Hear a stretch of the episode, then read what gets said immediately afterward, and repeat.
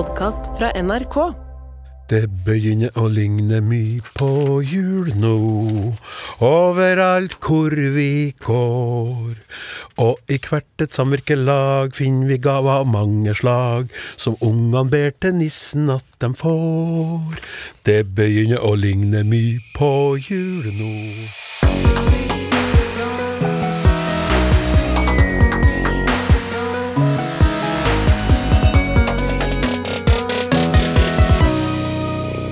Jeg har en venn som jeg misunner, i alle fall når det kommer til det her. Han kjøper alle julegavene lenge før desember, helst i januar og februar, på salg. Han er også veldig god til å handle inn det man ellers trenger på et tidlig tidspunkt, så når adventstida kommer, så er han omtrent fiks ferdig, pakka og klar, og kan bare nyte førjulstida og alt den bringer med seg av kos. Er du sånn? Sånn som han? Da ligger du kanskje på sofaen med et stort glis nå og hører på språksnakk, mens du derimot, som er mer som meg, du har sprunget rundt som en oi-oi for å rekke alt du skal rekke, mens du har vært irritert på deg sjøl for at du ikke klarte å gjøre deg ferdig før, kanskje helst i januar eller februar, og trenger rett og slett litt språksnakk for å roe deg ned, ta en pause fra alt stresset. Uansett, Hjertelig velkommen skal dere være til denne forundringspakken av en høydepunktepisode hvor vi har valgt ut godbiter fra 2023 av ulikt slag og for enhver smak. Om du underveis kjenner at du lurer på noe, eller har lyst til å gi oss en tilbakemelding, ikke nøl med det.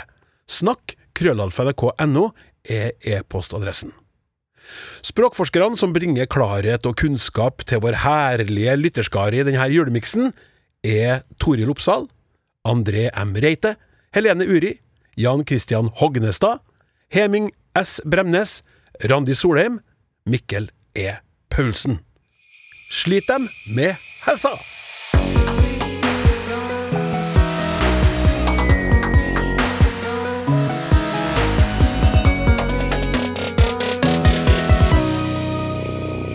Har undret meg ofte over hvorfor folk sier masse lykke til når det åpenbart holder å si lykke til. Det er formodentlig for å forsterke uttrykket, men det er jo helt unødvendig å dytte ordet masse foran. Ikke bare er det unødvendig, det høres jo også merkelig ut, det klinger jo så dårlig, som om ordene ikke hører sammen. Det blir nesten som å si masse god bedring istedenfor god bedring, eller masse god jul! Ikke sant? Nemlig! Masse hilsen Tore. Og før, Jan Kristian, før du starter, så vil jeg bare si at jeg er spent på svaret, for det her har jeg tenkt på og kjent på sjøl! Ja, og det er ikke rart at du har, fordi jeg tror det er noe veldig allmennmenneskelig her. Vi liker å forsterke det vi sier. Språklig sett er vi ikke minimalister, de, de fleste av oss. Og spesielt når hensiktene våre er gode, når vi vil ønske lykke til eller god bedring, da vil vi gjerne løfte det enda lite grann. En ting forresten som er veldig rart, det er at en del av disse forsterkerne som vi bruker, de passer jo egentlig absolutt ikke. Eh, lite eksempel, la oss ta adjektivet bra. Veldig bra er jo nærmest bare en klisjé. Det går an å si forferdelig bra eller grusomt bra. Eh, og da eh, betyr jo forsterkerne egentlig det motsatte av det de betyr her. men skal bety her. Men det lar ikke vi oss sjenere av. Vi bruker de absolutt allikevel. Og så har jeg hørt, må jeg, må jeg konsultere forsamlingen her, for det har jeg hørt i, på, på, i den østnorske delen av, av landet, eh, folk som sier at det var lite bra. Ja. Ja. Ja, ja, ja. Eh, men kan dere si lite bra? Brukes det fremdeles, eller har det gått ut på dato? Det tror jeg har gått ut for lenge siden. Ja. Litt sånn gått ut på det. Men jeg har så lyst til at du skal si Jeg elsker når du sier det.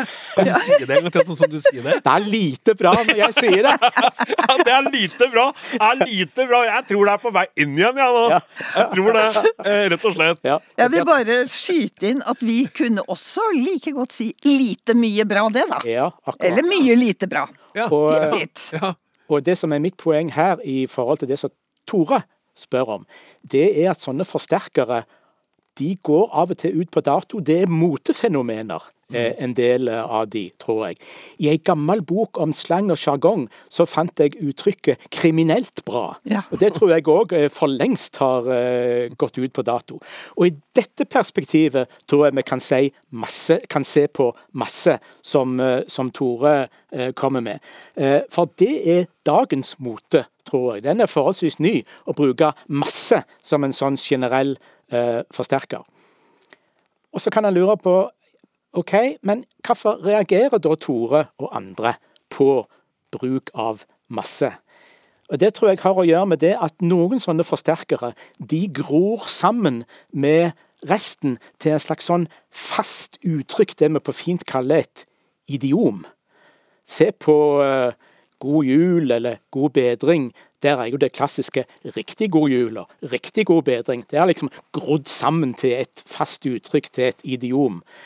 Eh, og hvis da noen syns at det er litt gammeldags å si 'riktig god bedring' og vil gjøre noe nytt, eh, så kan faktisk masse i dag komme inn. Eh, og det kan bli masse god bedring eventuelt, sånn som Tore tenker seg at det eventuelt kunne ha blitt. Eh, Og det er masse god jul. eller masse god jul. Ja, ikke sant? Eh, hvis en først vil vekk ifra det innarbeidet, så tar en et av de, en av de forsterkerne som er på moten for tida. Og i muntlig språk så tror jeg det gjelder masse. Lykke til er litt interessant, kanskje. Og her må jeg òg be om eh, bidrag fra forsamlingen. Fordi jeg satt og smakte på hvordan ville jeg ha forsterka lykke til. Og så fant jeg ikke noen mulighet. Jeg fant egentlig ingen sånn klassisk forsterking av lykke til. Er det noen av dere som kan forsterke lykke til? Så jeg synes det, akkurat det der du sier nå, er det interessante med, fordi jeg var med i et TV-program for mange år siden, Ja. eh, som, ikke som deltaker, men som en del av et, TV-prosjekt, der en person som også var med, sa, begynte, sa veldig mye masse lykke til. Mm. Og da tenkte jeg på det, at det, det, hørte, det var så merkelig for meg. For at for meg så holder det med lykke til. Altså, det er nok. Jeg har aldri tenkt at jeg trenger noe, trenger noe mer med det. Mm. Eh, Da, da, da, hvis jeg skulle sagt noe, så, så ville jeg sagt Og du skal det, altså? Du som forteller at du skal gjennom noe heftig, eller du så Da ønsker jeg virkelig lykke til. Virkelig lykke til, ja. ja. Mm. Eller veldig. Jeg kan godt si det, og jeg har hørt meg selv si det. Veldig lykke til med det. Sier Ja, men det? da ja? er det masse, den Ja, Masse. Den ja. blir rar for meg, altså. Så der, der, det kunne jeg ikke sagt virkelig som jeg Virkelig, altså. Ja, jeg kunne sagt både masse og stort, tror jeg. Så stort lykke til. Stort Oi, stort. Et stort lykke, altså som vi store Ah. på et vis. Mm. Ja, ja, akkurat. Um, så da, da Du er veldig åpen, Jan Kristian. Du, du reagerer med alt med interesse og undring. Jeg får lyst til å si 'hæ?! ja, ja. Og nei, forskeren gjør alltid det. Nikker forståelsesfullt og syns, Og det, inni bare, og syns det er veldig interessant. så Jeg syns det er en interessant ting her at du nevnte kriminelt. ikke sant? Man kunne si at noe var kriminelt bra. Nå for tiden så sier jo folk at det er sjukt bra eller sinnssykt bra. Ja. Men vi kan velge det. tror ikke det er mulig å si sinnssykt lykke til eller sykt god bedring. Eller er det det? Hvem vet det? Ja, Ja. Har du noe Eh, her lurer jeg på eh, Nå snakket vi om at det har utvikla seg faste uttrykk, og så vil en gjerne gjøre noe annet enn det. Eh, og så bruker en kanskje masse. Og så lurer jeg på om det er ett element til her.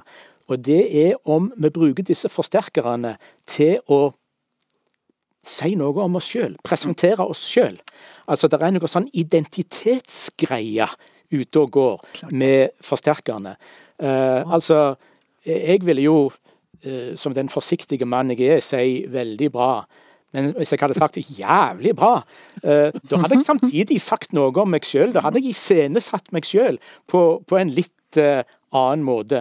Så jeg tror vi kan òg se på forsterkerne som identitetsmarkører til en viss grad. Og, da, og da tenker jeg på en som jeg pleide å diskutere språk av og til med før, og som mange sikkert husker, nemlig Per Inge Torkelsen i Stavanger. Oh, ja! Han iscenesatte seg med å bruke sykt. Sykt bra, sykt mange. Det, var, det var en av hans scenemåter å forsterke på. Eh, og det var en del av hans scenepersonlighet. Og det fungerte jo sinnssykt bra. Ja, ikke sant?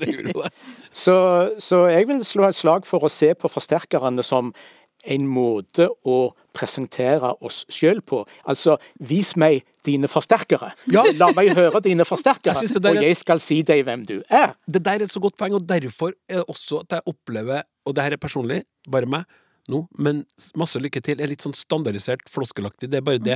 Det er lykke til, eller masse lykke til. Jeg skulle likt at folk hadde kommet med varianter. Altså, skjønner du, sånn forsterkervarianter. Sånn som stort lykke til, som du sa. Det var sånn Hæ?! Det, var, skjønner det var spesielt for meg. Det var sånn Oi, den var ny, den var interessant. Men masse lykke til, den opplever jeg bare som en sånn Folk bare sier det. Nesten så at jeg har lyst til å ta den bort og si lykke til. At det blir nesten sterkere med lykke til. For at du bare slengte på Ja. Så Ja, altså jeg vil si at dette gjelder generelt med språk, og det er jo ikke tilfeldig. Altså, på en måte lengselen etter å si noe annet enn bare floskelen. Tenk bare hvordan folk strever med å finne et slags synonym til kondolerer. Eh, og sånn, det, det er jo sånn med språk og oss. Vi bruker språk til veldig mye forskjellig på en gang, og også uten at vi er helt klar over det selv. ja, veldig bra. Og det har vi snakka om, dere med kondolerer, vi snakka om i Språksnakk tidligere. Finner du i NRK eh, radioappen hvis du vil høre, høre om det. Eh, men her og nå eh, Masse tusen takk. Ei konfekteske med noe av det beste Språksnakk hadde å by på i 2023. Det er hva du hører på nå. Kos deg. Takk for en lærerik og gledesbringende podkast. Kunne Språksnakk vennligst utforske det som ikke sies? Konsekvensene av de mektige, yrende tomrommene der, der avgjørende ord og begreper ikke nevnes? Taussnakk, makten av ord som uteblir, kunne deres episode kanskje hete? Det tydeligste taussnakk-eksempelet jeg kommer på, hver gang jeg hører uttrykket 'vold mot kvinner', reagerer jeg på hullet i frasen. Hva om journalister, politikere osv. konsekvent brukte hele frasen hver eneste gang? Menns vold mot kvinner. Det er ingen fornærmelse, bare et faktum som bør nevnes og behandles. Jeg unner guttene og mennene som jeg er glad i, en slik veiledende vekker, et slikt klarsnakk. I takknemlighet Susan Senstad, eller Susann Senstad. Det var fint skrevet, Helene. Ja. Da skal jeg forsøke å svare på dette, eller kommentere det. Det er jo et, eh, et veldig stort eh, tema. Så må jeg begynne med litt grammatikken. Skal rett og slett begynne med å minne alle om eh, hva som er aktiv, og hva som er passiv. Altså en aktiv setning. Kari bærer Ola. Kari er den handlende. Eh, Ola blir båret av Kari. Her er det Ola som er subjektet, det grammatiske subjektet, men det er Kari som fremdeles er den som bærer, den som er den handlende. Eh, og når vi bruker passivsetninger, altså Ola blir båret av Kari, så kan vi jo kutte ut den handelen og bare si Ola blir båret. Og det er jo kjempepraktisk, fordi av og til så trenger vi jo ikke å vite akkurat hvem som har gjort det. Eh, Håkonshallen ble bygget på 1200-tallet. Jeg beklager at jeg tok et eksempel fra den byen. Det var jo kjempetabbe. Unnskyld. Her tenkte jeg mer på grammatikk enn geografi. Eh, Men undersøkelser viser eh, iallfall at eh, i f.eks. lærebøker, i aviser og i ordbøker, så er gutter og menn oftere enn kvinner den grammatisk handlende. Altså gutter kaster, klatrer, leker, fisker. Menn ansetter, snakker, snekrer. Jenter og kvinner havner oftere i passivsetninger. Jenter blir fulgt til skolen, de blir passet på av storesøsker. Eh, kvinner blir ansatt, de blir kjørt, de blir kysset. Eh, og språklig usynliggjøring i passiv form, for der kan jo, ikke sant, som vi har blitt enige om, den handlende kuttes ut, eh, har nok også ofte fulgt klasseskillene. Altså Jo lenger ned i hierarkiet noen befinner seg, jo mer navnløse og anonyme er de. Noen sørger for at hus blir bygget, at rapporter blir skrevet, og at kaffe blir bestilt. Men de er ikke der. ikke sant? Det er tomrom. Eh, og det er jo veldig relevant med passivsetninger. Vi trenger det, og vi bruker det uh, ofte. Men av og til så er det et tomrom der som da eh, vår innsender Susan reagerer på. Det tror jeg hun gjør helt rett i. Fordi den handlende da også ofte blir borte nettopp når det er relevant hvem som er den handlende. Og vi leser i avisene, da, som innsenderen vår påpeker, at så og så mange kvinner har blitt voldtatt hittil i år. Så og så mange kvinner har havnet på krisesenter. Så og så mange jenter ble seksuelt trakassert i forfjor. Og det står sjelden at så og så mange menn voldtok kvinner, slo eller trakasserte kvinner. Voldtekt, vold og trakassering. Det høres ut som det er noe som skjer av seg selv. Det bare skjer med kvinnene uten at det er en handlende part der. Og så må vi jo da her jeg sitter omringet av menn, i rettferdighetens navn si at vi ikke uten videre kan anta at det utelukkende er menn som har skyld i disse situasjonene som jentene og kvinnene har havnet i. Eh, det finnes jo kvinner og jenter som også utfører den slags handlinger. Og siden vi er opptatt av ofrene i disse setningene så er det naturlig å uttrykke seg med passiv form. Altså vi, vi, fremhever jo da ofrene. Eh, men det er jo verdt å legge merke til hvis vi setter sammen de to observasjonene som jeg hittil har sagt, da, så er det sånn at menn veldig ofte, oftere enn kvinner, blir handlende og aktive.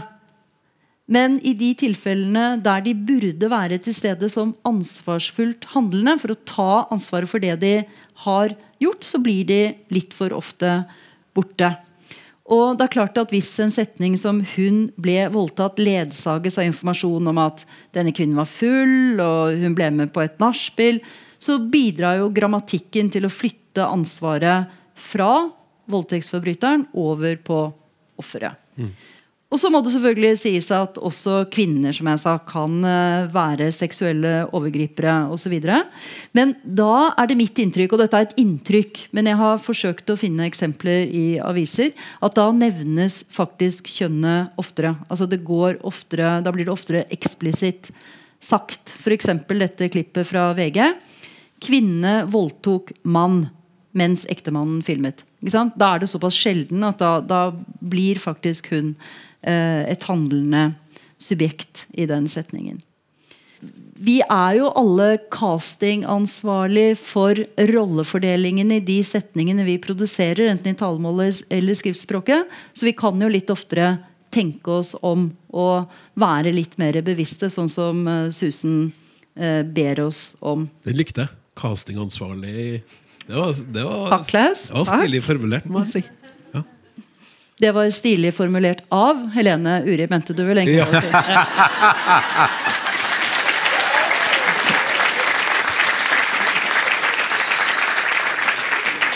Et uh, lite poeng til, for Disse tomrommene kommer ikke bare frem gjennom aktiv og passiv. I en artikkel i Aftenposten så handlet det om barn som solgte nakenbilder. Og da sto setningen bl.a. denne.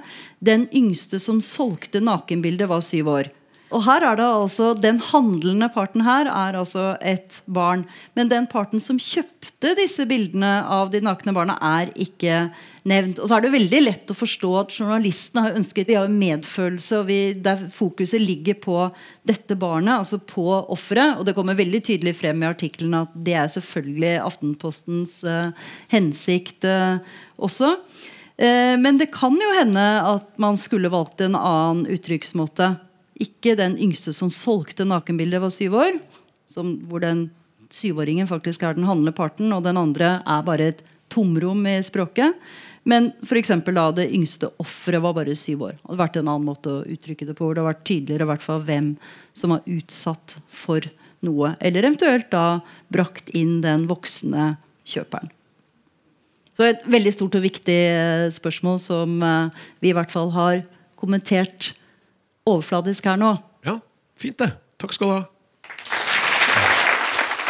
Hei, jeg heter Ingrid. Mitt favorittjuleord er julemusikk. Og det er fordi jeg elsker å synge og spille, og det gir meg så mye.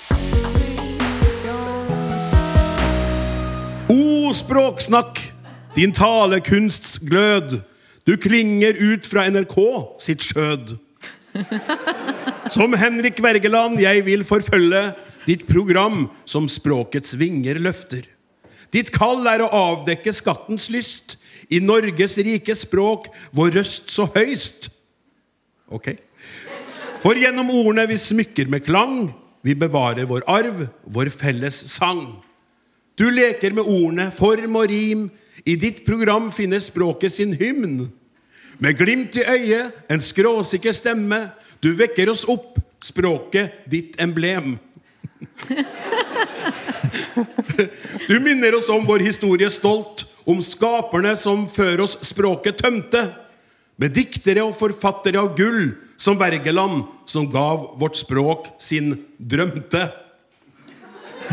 Så, Språksnakk, fortsett din ærefulle ferd på NRKs kanaler med lidenskap og verdi.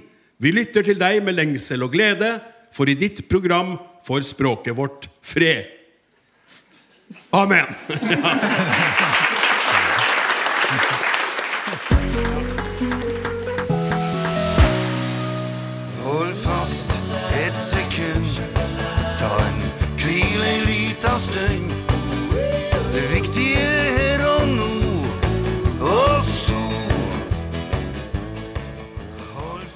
Ja, der smalt vi til med litt Åge, rett og slett. Vi har uh, kunnet valgt uh, mange andre sanger som har ei stund eller stund i seg, men det måtte jo bli sjølveste Åge når vi nå lager språksnakk fra den vakreste byen i hele Klara, en av de vakreste byene i Norge, kan jeg da si, siden du er fra Bergen. Trondheim! Det kom inn en uh, melding før sommeren som jeg svarte tilbake på. Den kom inn til min telefon. Og jeg sa det her gleder jeg meg til å ta opp i programmet, og meldinga var som følger. Koser meg med språksnakk, og jeg har et spørsmål. Er det mulig å definere hvor lenge en stund varer? Skjønner at dette er kontekstavhengig, men om det finnes et svar som er mer presist enn noe annet? For eksempel med eksempelet fra Naob. De satt en stund i taushet. Dag Solstad, 11. roman, bok 18. Skal kose meg med programmene om det blir tatt opp eller ei, men nå blir det tatt opp, da. Klem Markus Neby, altså en NRK-kollega, som har sendt inn det her. Et eh, herlig eh, spørsmål. Altså, eh, som vi snakka om før vi satte i gang, det kunne egentlig vært et spørsmål som hadde gått inn i Etikketaten eller i Abelstårn. Og det passer perfekt her i Språksnakk. Hemming, hva er ei stund? Ja, nå har, du, nå har du jo virkelig malt opp de, liksom, de, de vide horisontene. Jeg tenkte liksom, man, kan jo, man kunne jo tenke seg at man kan svare liksom veldig sånn generelt på det, på det spørsmålet her, men sånn med liksom det kontekstavhengige sånn, men tenker at det er enklere å på en måte begynne med å se på ei stund. Eh, og hvordan det brukes sammenligna med andre tilsvarende uttrykk, for så å komme tilbake til på en måte det mer sånn generelle poenget her. da. Og både bokmålsordboka og nynorskordboka definerer ei stund som et muligens kort tidsrom, altså av og til ganske synonymt med et øyeblikk. Eh, og Hvis man da slår opp øyeblikk, eh, så kommer man ikke så mye lenger, for et øyeblikk er definert som ei svært kort stund. Det skal bare sies at dette er de ga gamle ordbøkene, ikke de nye. Ja, ja, ja, ja veldig. For der er bedre definisjoner. Og, Ja, de kommer, ny, ny versjon kommer om Ja, et års tid. Så man går, Ja, ja. man går egentlig i en slags loop da, når Ja, man skal drive og finne ut av det. Sirkeldefinisjon. Men det vil jo, da, altså Hvis du bare leser mellom de to der, så vil det jo ta en stund før du kommer til svaret. Ja, det er sant. Eh, men så da tenkte jeg at da kan vi jo se litt på bruken. Og hvis vi da, Ikke for å fortsette å henge ut eh, ordboka her, da, men eh, vi har fått ett eksempel fra, fra han eh, Markus, men hvis vi tar eh, eksemplene som listes opp i ordboka, så kan de her ofte benyttes både med eh, stund og eh, et øyeblikk. Så for eksempel eh, 'jeg kommer om en liten stund', eller 'jeg kommer om et lite øyeblikk'. Man kan ha en ledig stund, eller ha et ledig øyeblikk. Eh, I samme stund, eller i samme øyeblikk. I denne stund, eller i dette øyeblikk, osv. Eh, men hvis vi ser på noen eksempler som jeg fant i det her Habit-korpuset fra Tekstlaboratoriet i Oslo Det tok en stund før alle papirene var i orden, men nå er Fladen godt i gang med sin nye virksomhet. Eller la vannet koke en stund, slik at du får kokt ut oksygengassen og andre gasser fra vannet. Da blir det plutselig litt vanskeligere å bytte det ut med øyeblikk. Ja. Eh, Og jeg må bare si det, skyte inn jeg skal ikke stoppe deg i rekka, men jeg steiler på at et øyeblikk skal blandes med ei stund. Bare, jeg, jeg, Ja. jeg hiver det inn nå. Eh, Og det nikkes fra de to kvinnelige språkforskerne her, eh, men du fortsetter. For at, Ja, for det, men det er, det er helt rett, det, for jeg tenker det tyder jo på at stund har et bredere bruksområde enn det øyeblikk har. Men så kan vi jo si da, fins det ei øvre grense for hvor lang tid ei stund er? Sant? Så vi vil si at det er helt ned til et øyeblikk, men fins det noen øvre grense, da? Eh, og hvis man da ser på f.eks. ei tid eller en periode i samme type konstruksjoner, så er i alle fall min intuisjon at det da er snakk om lenger. Så hvis vi tar eksempelet med å få papirene i orden, eksempel, så det tok ei tid før papirene var i orden, eller det tok en periode før papirene var i orden, eh, så vil det være sånn at selv om det kan være snakk om dager også med ei stund, sant, så vil man intuitivt tenke at eh, det tok flere dager med tid, og kanskje enda flere med periode. Sant? Og dermed så har vi jo da med en skala å gjøre. Og de her finner flere av, både i norsk og i alle andre språk. Eh, og for så kan jo til og med substantiv være på en skala. Så for hvis jeg sier han der Markus Neby, han er litt av en programleder. Eh, det tyder på at man kan være mer eller mindre programleder. Eller i hvert fall være eh, en mer eller mindre god programleder. Men han kan også være veldig bra programleder med å si Ja. han er litt av en programleder. Ja, nettopp. Det er akkurat det. Ja. Det tyder bare på altså, Jeg mener bare Ja, så- at du kan nettopp. gradere det. Nå- ja. ja, ja. Ja, ja. Så det her er jo på en måte snakk om en sånn kvalitativ skala. da Men vi kan også snakke om eh, liksom skala på høyde og vekt og mengde og sannsynlighet osv. Her er lista lang, jeg skal ikke gå inn på, på alle dem. Men eh, hvis vi liksom ser på mengder, da som er et liksom, enkel måte å illustrere det på og det er også det på en måte sånne mengdeuttrykk er liksom det vi har forska mest på innenfor språkvitenskapen, sånn tradisjonelt i hvert fall. Så det har vi liksom ganske mye erfaring med hvordan det fungerer. Så hvis jeg sier for til deg nå, Klaus, at jeg har drukket litt av kaffen min, eh, så ville du blitt veldig overraska hvis det viste seg at eh, jeg hadde drukket opp, hele, drukket opp alt. Sant? Eller hvis jeg, til og med hvis jeg drukket opp over halvparten også, hadde du syntes at det var litt rart. Mm. Det litt av, sant? Og det er fordi at jeg på en måte tenker at hvis jeg bruker ett eh, uttrykk på en, en av skalaen, så betyr det at jeg ikke er liksom, på den øvre delen av skalaen. Mm. Og fordi da ville jeg sagt det for å være liksom, mer eh, informativ. Og kanskje ville du til og med sagt at hvis jeg sa at jeg hadde drukket litt av kaffen, og eh, hadde drukket opp all kaffen, så ville du kanskje til og med sagt at jeg hadde løyet. Sant? Eh, så vi har altså da klare intuisjoner på eh, hva som er innafor, og hva som er utafor. Men så da, hvorfor har vi alle de her omtrentlige og kontekstavhengige uttrykkene i språket vårt? Og det handler om at vi bruker språket til å kategorisere verden. Og når vi kategoriserer, så glatter vi over de detaljene som vi anser for å ikke være viktig i den, eh, eller relevant i den, i den konkrete sammenhengen. Det er f.eks. ikke eh, relevant om jeg har drukket en fjerdedel eller en tredjedel av kaffen min, om du spør om jeg har drukket opp kaffen min. Nei. Um, så når vi bruker ei stund, så handler det ofte om at den presise mengden tid ikke er relevant. Ja, men det er det som er så spennende med stund. Mhm. uh, Sammenligna med det, det lille eksempelet ditt. Jeg bare må, jeg må få lov til å lese opp eh, en lytter nå, må Ja. få, få supplere litt her. Erling Torkelsen skriver Hørte nettopp spørsmålet 'Hvor lang er en stund?' Spørsmålsstilleren lurer på om det går an å si noe utover at bruken er kontekstavhengig. Ble sittende og gruble litt, og kom opp med et par eksempler. Så kommer det ene eksempelet. Det tok en stund før jorda fikk oksygen i atmosfæren. Det er to til tre milliarder år. Eh, og innenfor et beslektet felt må en litt kjekk fysikklærer ha lov til å si det tok en stund før de første protoner og nøytroner ble dannet. Så står det i parentes her 0,00001 sekunder. Eller 10 minus 6, da. Ja, akkurat. eh, Etter Big Bang. Det er altså det, det, det, det, det er veldig lite, et lite, en liten del av et sekund, og to til tre milliarder år, og stund er brukte på begge. Ja. Det, det syns jeg er veldig artig. Ja, men der, for det der leder oss egentlig inn på det som er, det som er eh, relevant her, da. I denne sammenhengen også. At når du bruker det, så handler det om hva er det, liksom, hva er det som er relevant å ha med. Um, og at Så når vi bruker stunder, som jeg sa, så handler det ofte om at liksom, den presise mengden tid ikke er så relevant. Uh, og det eksempelet som vi fikk her i, i begynnelsen, med uh, de satt en stund i taushet, er egentlig et godt eksempel på begge de her eh, to typene relevans. da. Eh, så eh, det er på en måte både det om den presise mengden tid ikke er relevant, men også at det som skjer i det tidsrommet, ikke er relevant. Så når de satt en stund i taushet, så er det ikke noe så farlig hvor lenge den tida varer. Poenget var at det ble taust, og kanskje til og med at det ble pinlig stillhet. Og det var heller ikke noe relevant som skjedde, fordi det var ikke noe samhandling mellom dem to. Nei, helt enig, men der Og det hadde det også vært med- veldig annerledes hvis det hadde vært de satt litt i taushet. Ja. Det ville ha føltes annerledes for meg enn en stund. Mm. Bare for å ta den liten din igjen, skjønner du. Ja. Det er noe fascinerende med det, det stund. Det er veldig fleksibelt.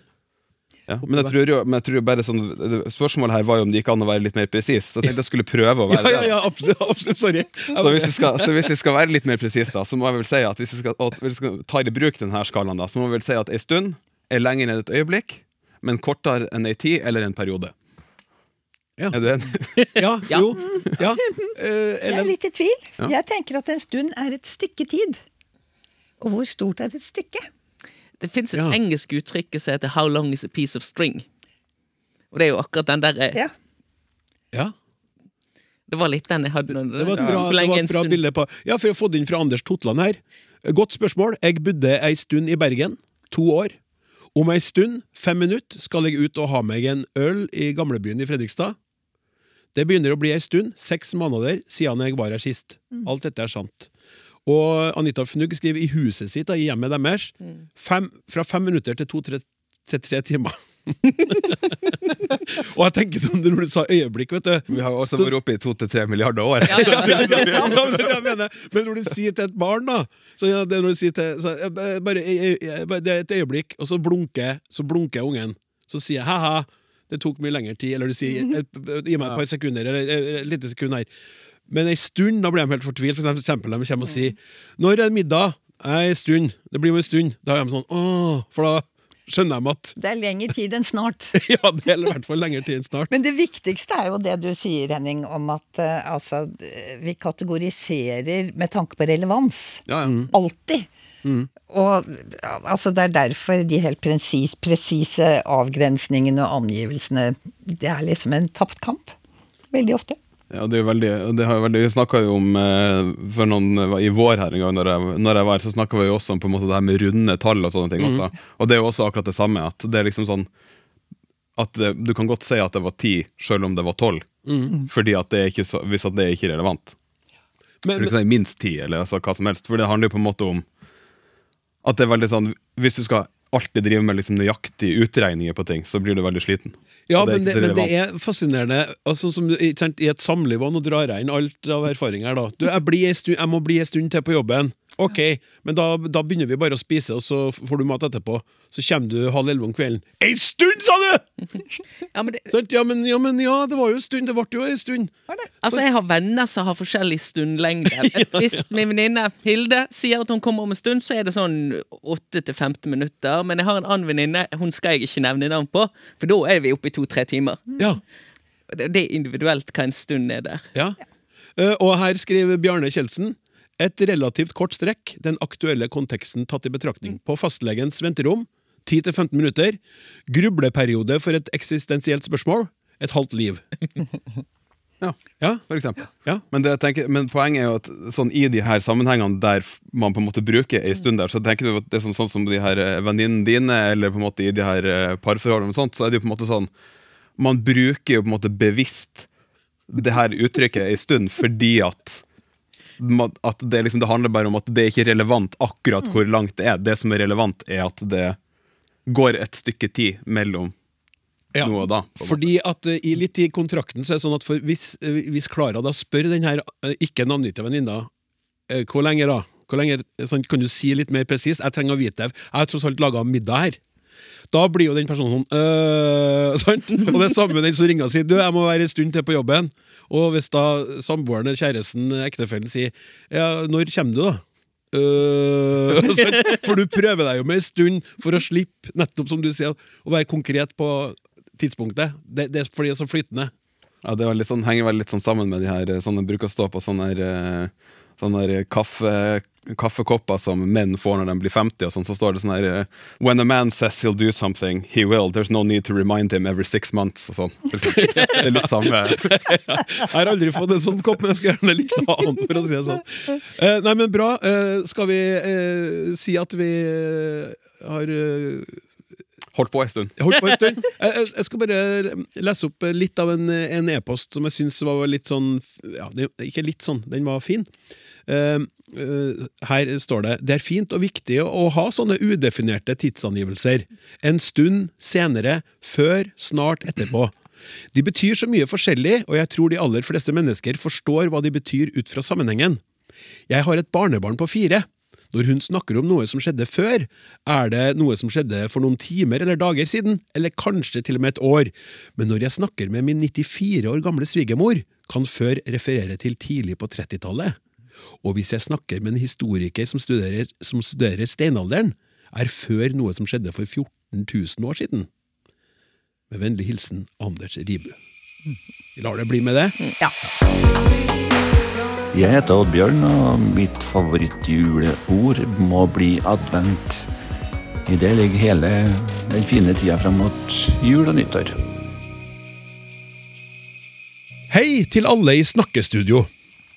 I diskusjonen angående fordeler og bakdeler heier jeg på ulempe. Men så kom jeg til å tenke litt mer på saken. Hvis vi har ordet ulempe, så må det jo finnes et ord lempe som beskriver det motsatte. Men dette hører vi aldri. Hvorfor ikke? Vi kan jo lempe stein og potetsekker, og vi har et uttrykk som heter list og lempe. Hva er sammenhengen her? Har kanskje lempe vært brukt som en fordel tidligere i språkhistorien? Med håp om en interessant utgreiing, Tore Lennartsen, Åsgårdstrand. Randi, det er bare å sette i gang. Tusen takk. Det er jo artig med slike følgetonger. Det betyr jo at folk eh, følger med og spekulerer videre. Um, hvis vi tar det siste først. Uh, vi har et substantiv som heter lempe. og Det viser til en forsiktig eller en varsom framgangsmåte.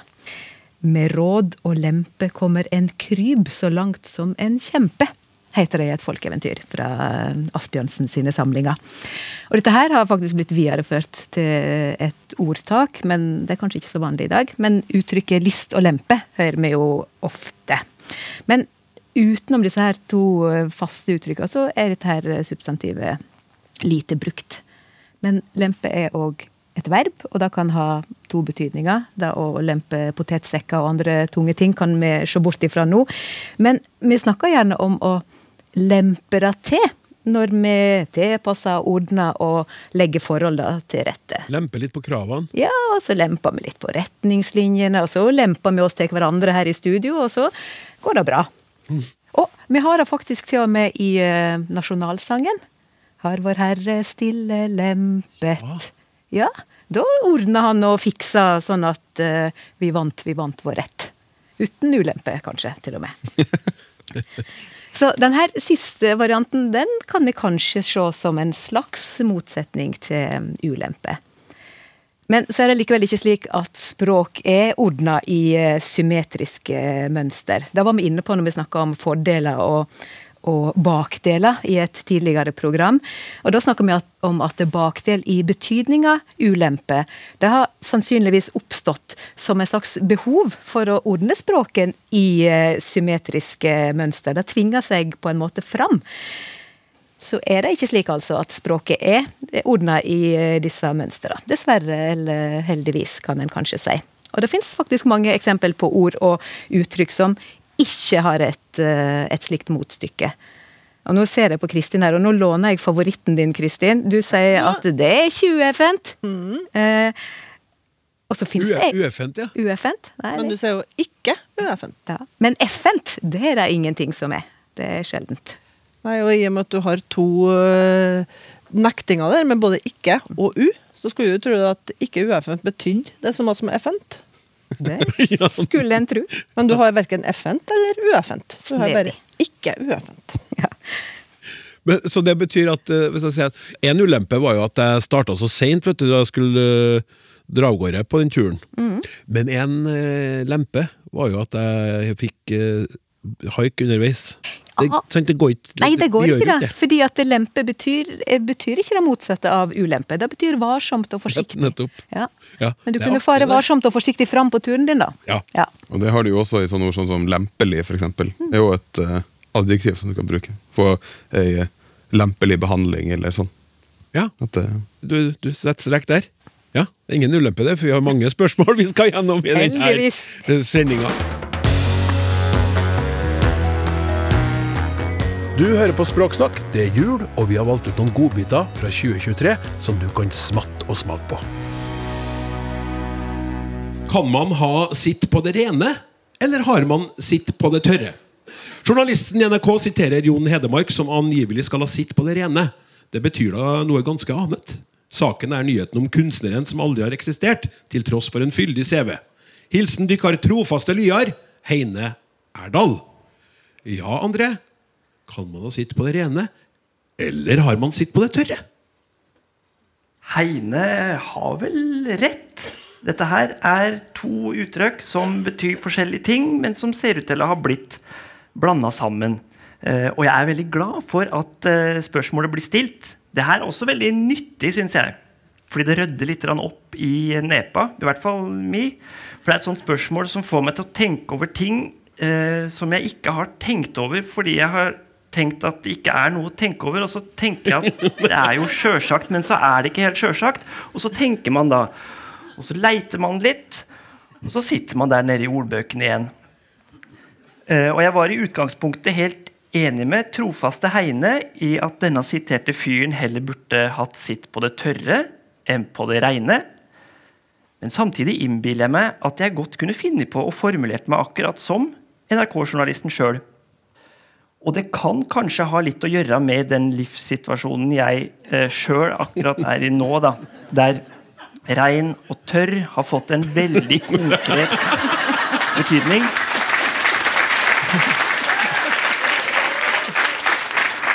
Og hvor de har blitt eh, fullstendig synonyme, egentlig. Da må jeg by på en liten lyd til. Imponerende. Ja. Nå var du som hjemme, André. Ja. I bleieland. Der ei tørr bleie er ei rein bleie er ei tørr bleie. Men eh, så er jo ikke rein og tørr fullstendig synonyme i ett og alt. Eh, og hver for seg har de også flere betydninger. Eh, både ei bleie, en hvitvin, en universitetslektor, en hoste, en vits og ei brødskive kan være tørre. Men den tørrheta innebærer ikke helt det samme nødvendigvis. Og både ei bleie, igjen, en idrettsutøver, en samvittighet, et flagg og en og annen person i Gammeltestamentet kan være reine.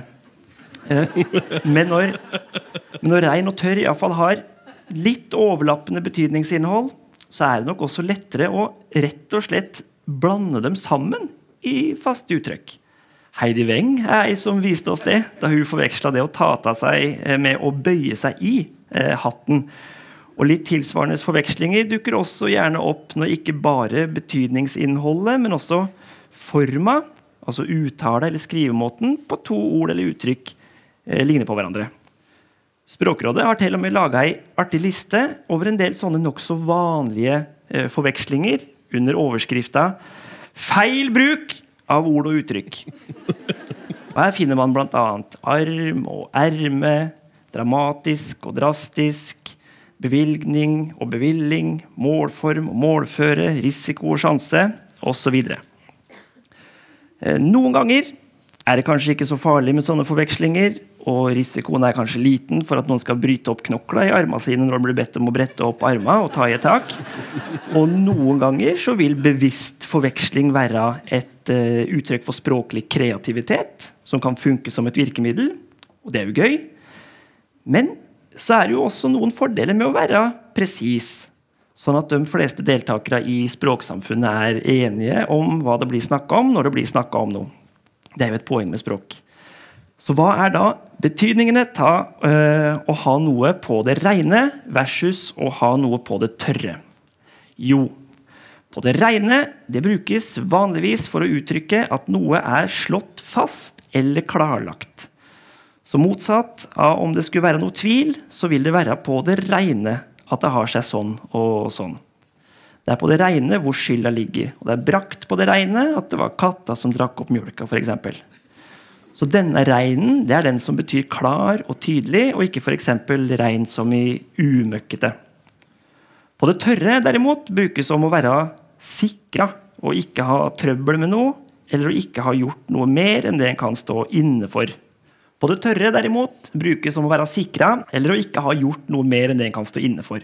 Eh, og her er det tørre den forma for tørr som ikke er dekka av vann, da, altså på tørt land. Så om du har ditt på det tørre, så er greiene dine trygge. Du kan stå inne for greiene dine. Så vi kan vel kanskje gi Heine rett i at det kan høres litt pussig ut at Hedmark har sitt på det reine.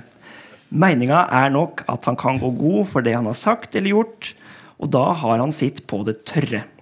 Og så må han eventuelt få brakt på det reine at han har sitt på det tørre.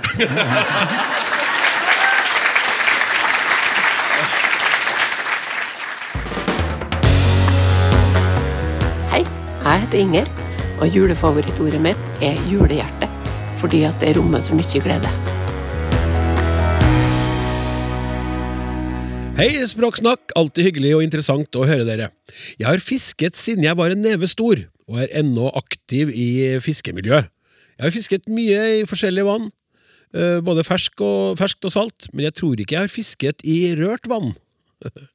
Det er dette uttrykket jeg har, har spørsmål til. Opphav og betydning. I min bevissthet har uttrykket en negativ valør, og slikt driver vi ikke med her på Hvaler. Håper dette kan være av interesse. Mange hilsener fra Tormod, som altså ikke driver og fisker i rørt vann sjøl, Toril. Ja, eh, jeg tror jeg kanskje har fisket i rørt vann i én av betydningene. Eh, fordi dette her kan både være nøytralt, og det kan være litt negativt. Eh, og her har nok en gang eh, Språkrådet gjort en jobb for oss tidligere. Det og har lagt ut eh, en beskrivelse, og de kobler den konkrete betydninga av å fiske i rørt vann helt tilbake til Aristofanes, altså den greske dikteren, som skriver at når man rører opp vannet fra bunnen, så er det lett å fange ål. Eh, og jeg fant samme fra moderne tid, faktisk, i en fiskeside på nettet. Der er en som skriver at ørret som står i rørt vann, er ofte lettere å lure enn de som vaker der det er speilblankt. Så det er rett og slett når du begynner å grumse opp vannet, så er det enklere å lure fisken på kroken. Ja, Så det er jo den konkrete betydningen, altså å røre opp vannet for å fange fisk. Mm. Men så har vi en overført betydning, og det tror jeg er det den lytteren på Hvaler er opptatt av. Eh, og det er den betydningen som vi kan eh, hente fra et Jeg tror det er Kirkegård, sitat. Eh, her er det et sjekketriks som jeg skal lese for dere. Man fisker alltid best i rørt vann. Når en ung pike er i sinnsbevegelse, kan man med hell våve meget som ellers vil mislykkes. Altså, det å altså fiske i rørt vann, det betyr at man utnytter en forvirra situasjon til sin egen fordel. Så når du fisker i rørt vann, så Det at det er litt forvirring, Mm. det, det, det gjør at du kan få fremma dine egne planer. Ja. Mm. og den ordboka Naob har et sitat fra en bok om fagorganisasjonen i Norge, eh, som er ganske betegnende i så måte. Eh, der står det det var en tydelig tendens hos arbeidsgiverne og forretningsdrivende til å fiske i rørt vann. Ja. Mm. Så dette er et uttrykk som vi nok ikke har direkte fra Aristofanes. Vi har nok fått det via dansk, men som nettopp handler om å utnytte det grumsete til egen fordel. Svensk har de det også, at fiska er grumligt vatten. Grumlitt vann. Mhm. Men jeg syns det er interessant med den første betydningen, det med det ålene, da, som vi også har eh, et spesielt forhold til. Eh, sånn, det bildet på en sleip ål. Og hvis man da ser for seg en, for en, en, en sånn kaotisk politisk situasjon, eller noe, der noen bare ser sitt snitt til å forhandle, og nå, nå bare skjer det, så En typisk ål. Mm. En typisk ål. Metaforisk ål. Ja. Mm. Ja, så spennende. Det var, det var interessant. Det her er det, så artig med språksnakk, Ja. syns jeg. Det her passer jo godt på den politiske situasjonen vi er inne i nå, ikke sant? Ja. Her er det mange som fisker i rørt vann, og så er det noen andre som sitter helt stille i båten. Du hører på Språksnakk, julekonfekt spesial. Eller ja, det er noe av det beste vi hadde å by på i 2023. Du hører på nå. Eh, Vel bekomme. Ja, Skulle du være i tvil, så er det altså Språksnakk du hører på. Vi nærmer oss slutten av dagens episode, men vi har tid til et spørsmål til. Og det skal du få start starte å svare på, Mikkel.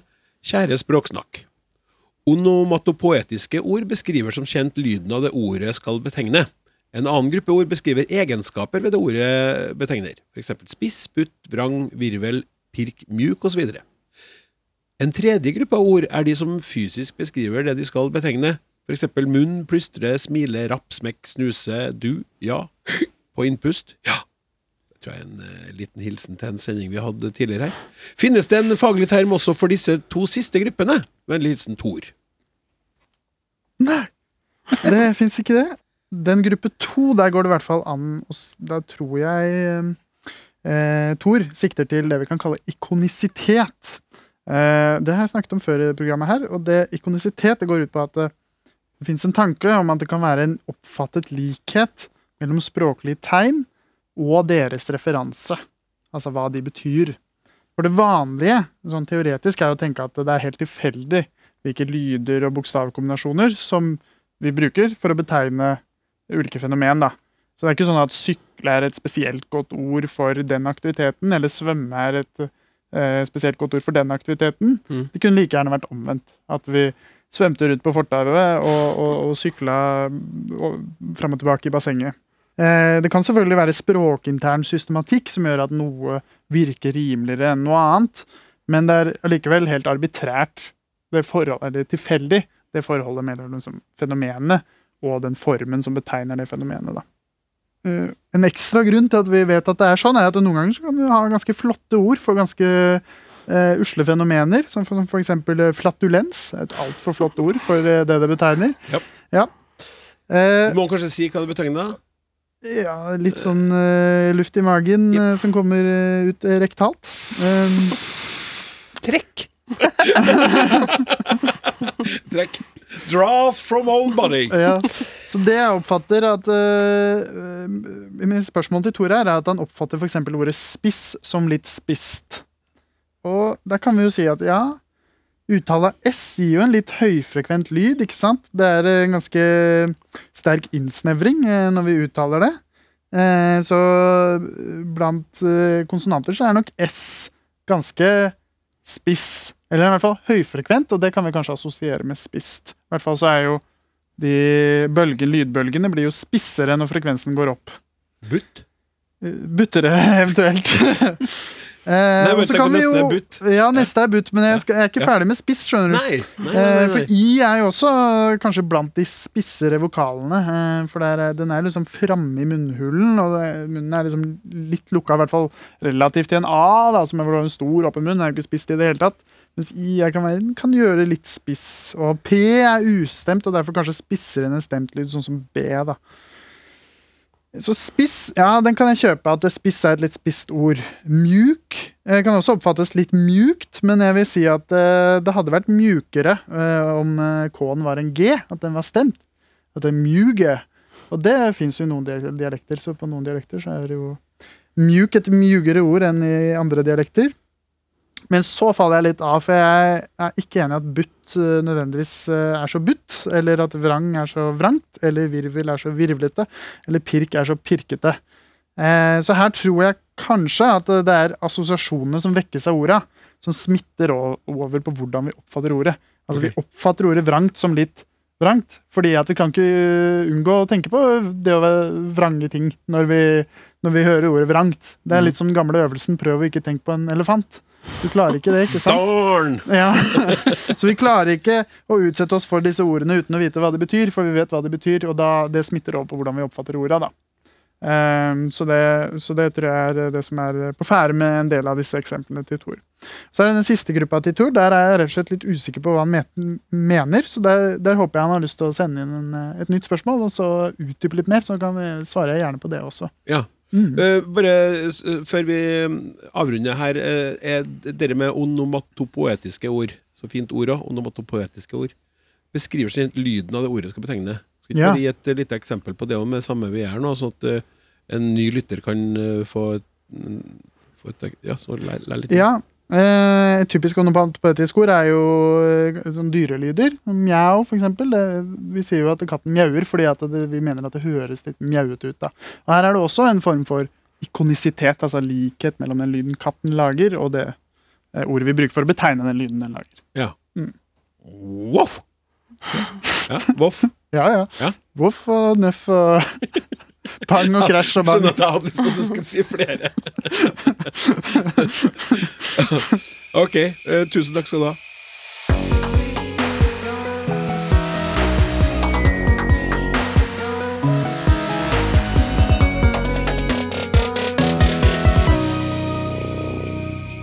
Ja, da var alle godbitene servert. Jeg håper du nå er mett, fornøyd og litt mer opplyst. Takk til våre frydefullt fine språkforskere. Takk også til teknikerne Martin Vågø og Morten Lyn, og produsentene Hilde Håbjørg, Randi Lillealteren og Jørgen Aune Hagen. Jeg heter Klaus Sonstad, og ønsker deg ei strålende jul. Vi snakkes!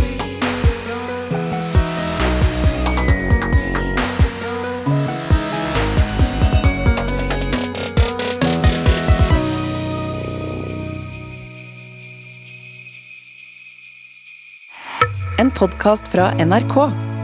Arman skaffet våpen til Orderud-drapene. På den tida der så var jeg jo ordentlig skurk. Jeg tenkte at all PR var sabla god PR. Familien på fire dro på ferie. Bare to kom hjem. Jeg kikka først til høyre, og så kikka jeg til venstre. Og da så jeg bakhodet til Kim og toget. Du husker ikke dager, men øyeblikk.